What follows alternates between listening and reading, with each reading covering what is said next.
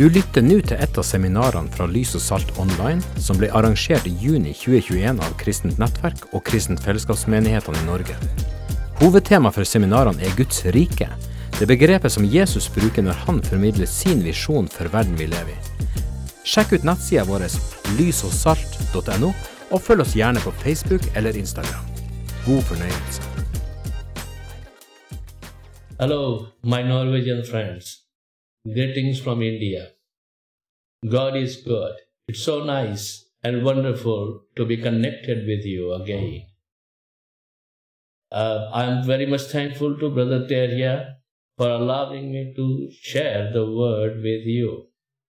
The subject he has given me is Forgive your enemy. This is quite challenging subject. It's not easy for anyone to preach or share the thoughts on it. But that is the will of God, and I believe that this is the subject which is a felt need of this time. Let's read the word first. Matthew chapter 5, verse 43 to 48. You have heard that it was said, You shall love your neighbor and hate your enemy. But I say to you, Love your enemies. Bless those who curse you. Do good to those who hate you. And pray for those who spitefully use you and persecute you.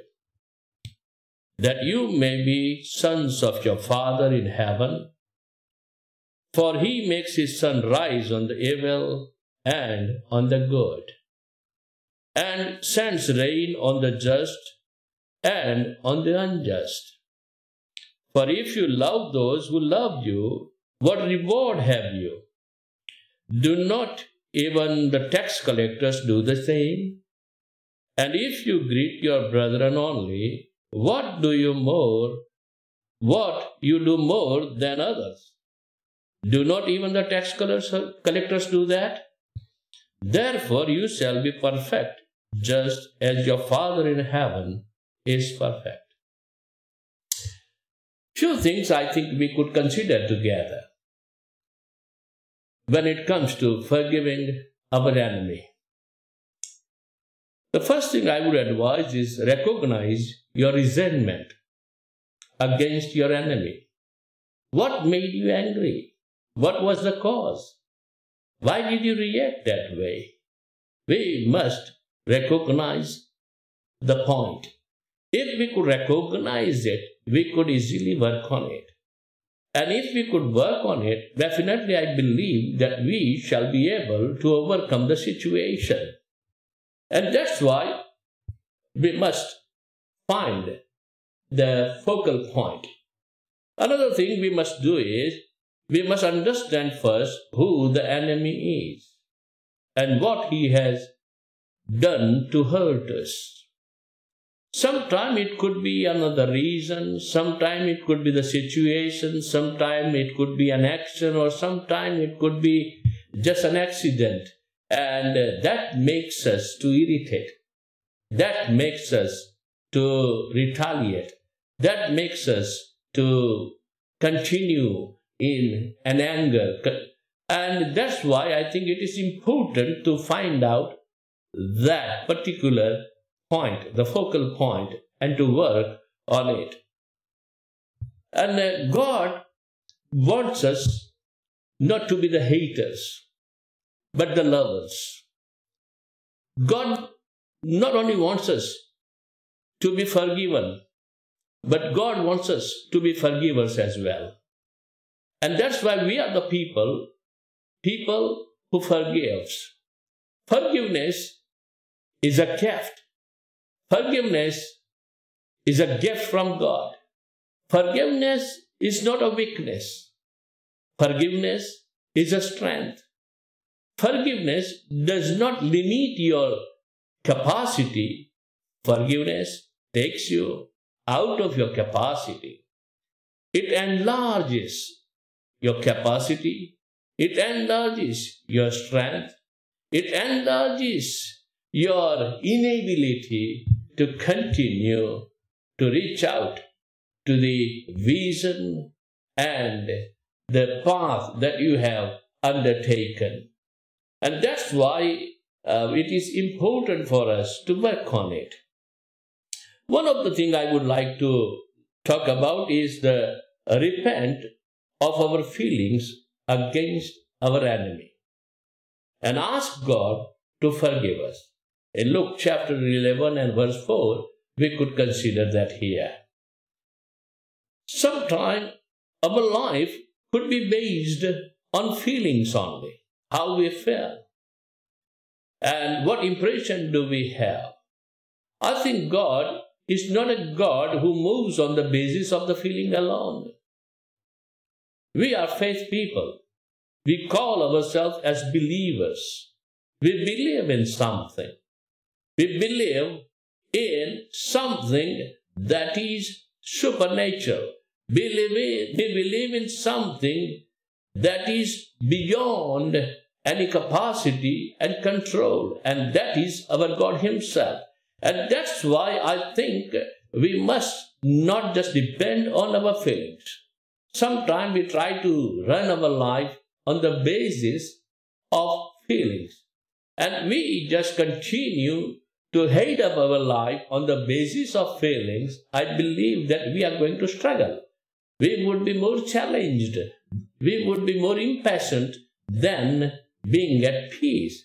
And that's why Feelings may come and go. Feelings may change as the situation and the times gets changed.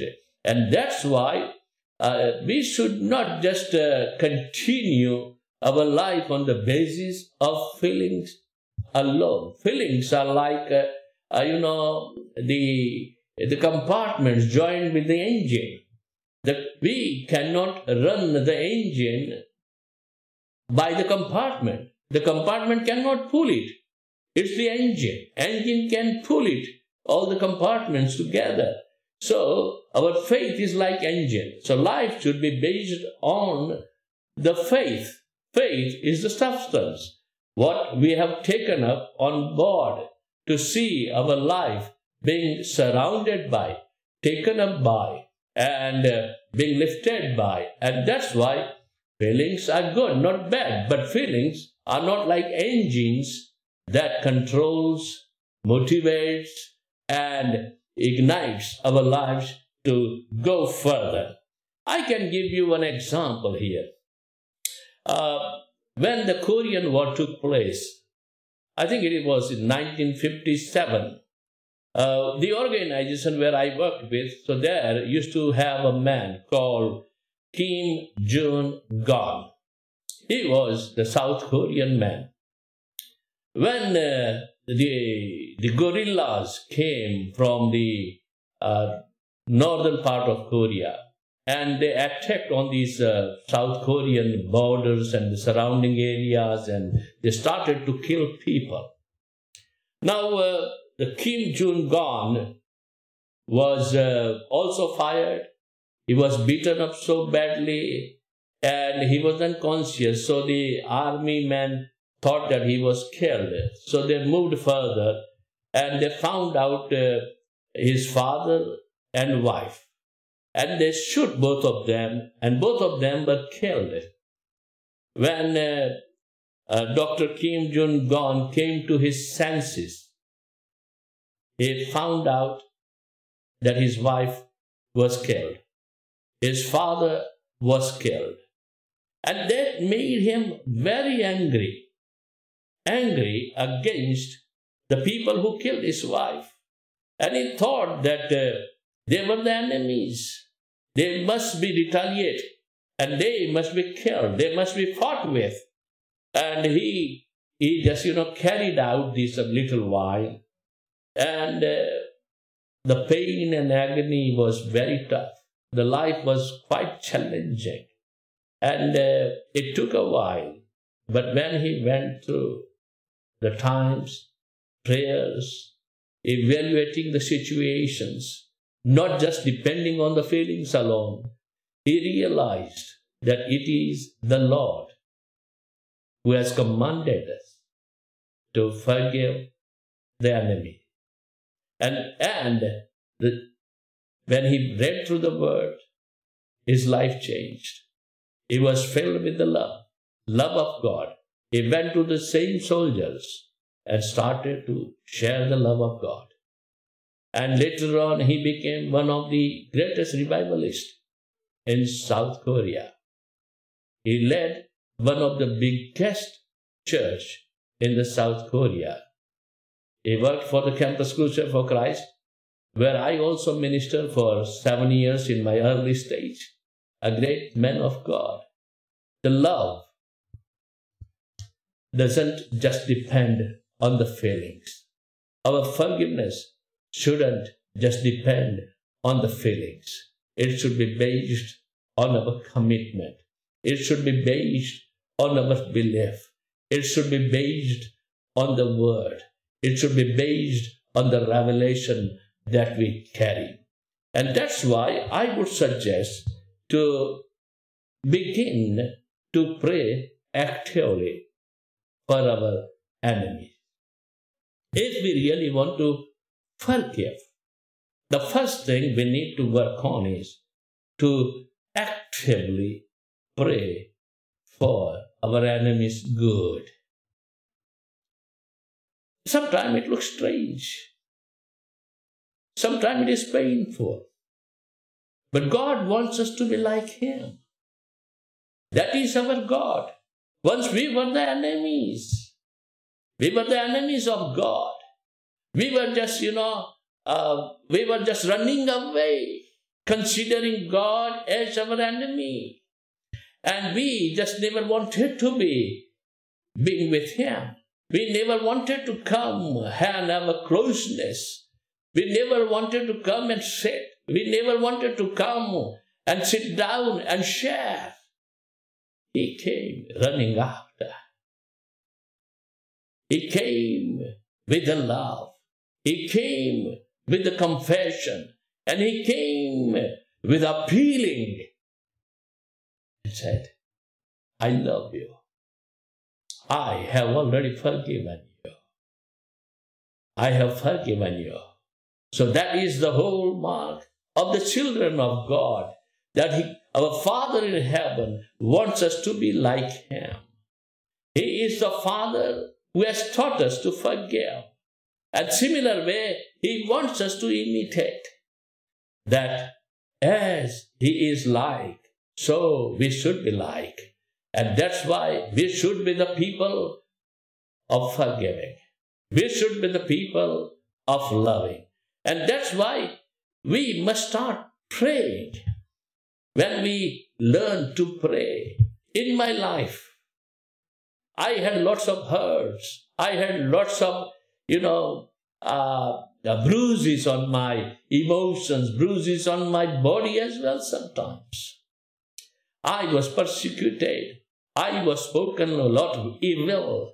I was spoken out very bad.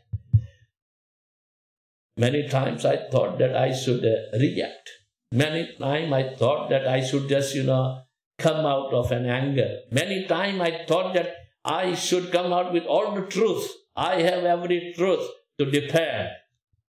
But that's where the Father in heaven came with a loving and caring word. Son,